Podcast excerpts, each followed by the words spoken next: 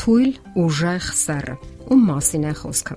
Տղամարդիկ շատ ուժեղ եւ կորովի են թվում, առույգ, երանդուն եւ առնական։ Նրանք քայլում են վստահ եւ գործնական։ Թվում է միշտ այդպես պետք է լինի։ Սակայն տարիներն անցնում են եւ կյանքի մի պահի նրանք տապալվում են։ Ընդ որում ավելի վաղ, քան կանայք։ Դա հաստատում են վիճակագրական տվյալները, եւ դա փաստ է։ Կանայք ավելի երկար են ապրում, քան տղամարդիկ։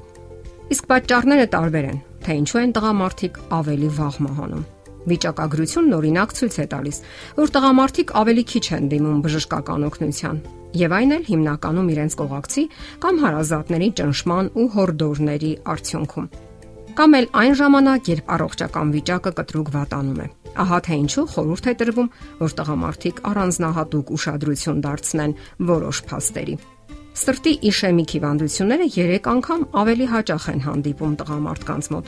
Յուրաքանչյուր տարիքային խմբում ինքնասպանությունների դեպքերը տղամարդկանց մոտ ավելի շատ են, քան կանանց մոտ։ Սպանությունները եւ ինքնասպանությունները մահացության 3 հիմնական պատճառներից են 15-ից 34 տարեկան տղամարդկանց մոտ։ Մինչև 85 տարեկանը հասնող կանանց թիվը տղամարդկանց համեմատ 2-ը 1-ի հարաբերության մեջ է։ Ինչու են տղամարդիկ առաջինը մահանում։ Այս հարցին է անդրադառնում բժշկական գիտությունների դոկտոր Մարիաննա Լեգատոն իր Ինչու են տղամարդիկ առաջինը մահանում եւ ինչպես երկարաձգել սեփական կյանքը գրքում։ Այս գրքի հեղինակը լայնածավալ աշխատանք է կատարել, ուսումնասիրելով այն կենսաբանական, մշակութային եւ անձնական գործոնները, որոնք կրճատում են տղամարդկանց կյանքի տևողությունը։ Ներկայացնենք այդ գրքում բերված որոշ գործոններ, որոնց վրա հարկավոր է լուրջ ուշադրություն դարձնել։ Ինչպես ասում են, ուժեղ սերը այնքան այլ ուժեղ չէ, ինչպես թվում է առաջին հայացքից։ Եվ այսպես հոգեբանական գործոն։ Մահացությունը տղամարդկանց շրջանում բարձր է, որովհետև նրանք պակաս դիմաց կունեն հոգեբանորեն եւ ավելի խոցելի են։ Կանայք կատաղի պայքար են մղում իրենց հիվանդությունների դեմ, ուրախadir են իրենց առողջության հանդեպ՝ ի տարբերություն տղամարդկանց, ովքեր պակաս բարեխիղճ են։ Ուժեղ սեռը ավելի հաճախ անտեսում է բժշկական խորհուրդները, ուշադրություն չի դարձնում հետազոտությունների արդյունքներին եւ բժշկական օգնության չի դիմում, հուսալով, որ ամեն ինչ ինքն իրեն կանցնի։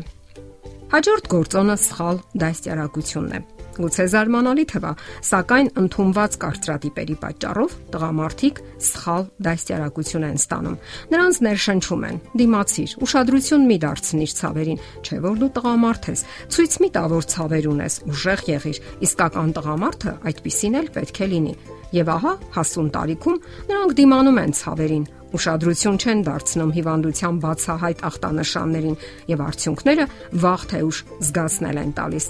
եւ բոլոր հիմքերը կան ասելու, որ սխալ դասերակցությունը սպանում է տղամարդկանց։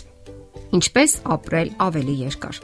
Իր գրքում դոկտոր Լեգատոն կոչ է անում բժշկական հանրությունը ուժեղացված հսկողության տակ վերցնել տղամարդկային առողջությունը եւ այդ գործընթացում նա մեծ դեր է հատկացնում ամենամտերիմ մարդկանց՝ կնոջը, մորը, քրոջը, դստերը։ Ահա թե ինչ է գրում Լեգատոն։ Եթե կանայք կարողանում են հաղթահարել կրծքի քաղցկեղը,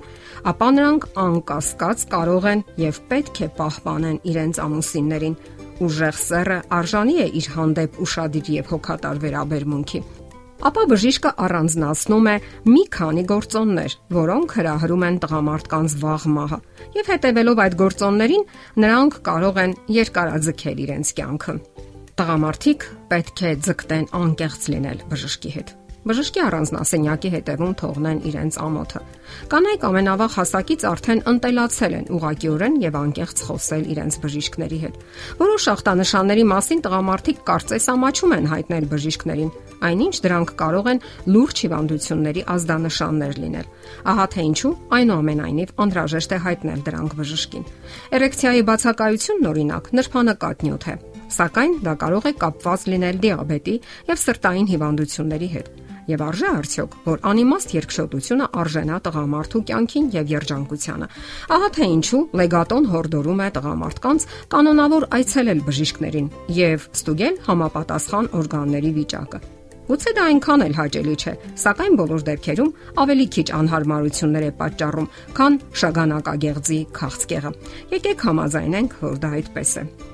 30 տարեկանից հետո տղամարդկանց մոտ տեստոստերոնի մակարդակը սկսում է նվազել, մոտավորապես յուրաքանչյուր տարի 1%-ով։ Իսկ դա կարող է հանգեցնել կենսական տոնուսի, մկանային զանգվածի, ֆիզիկական ծանրաբեռնվածություններին դիմանալու, հիշողության հնարավորությունների կենտրոնացման, լիբիդոյի ընդունակության նվազեցմանը։ Իսկ դա իր հերթին կարող է հանգեցնել դեպրեսիայի, որն էլ կազդի առողջության վրա, մեծացնելով սրտի իշեմիկ հիվանդությունների առաջացման վտանգը։ Կան այլ գործոններ եւս, որոնց հարկավոր է ուշադրություն դարձնել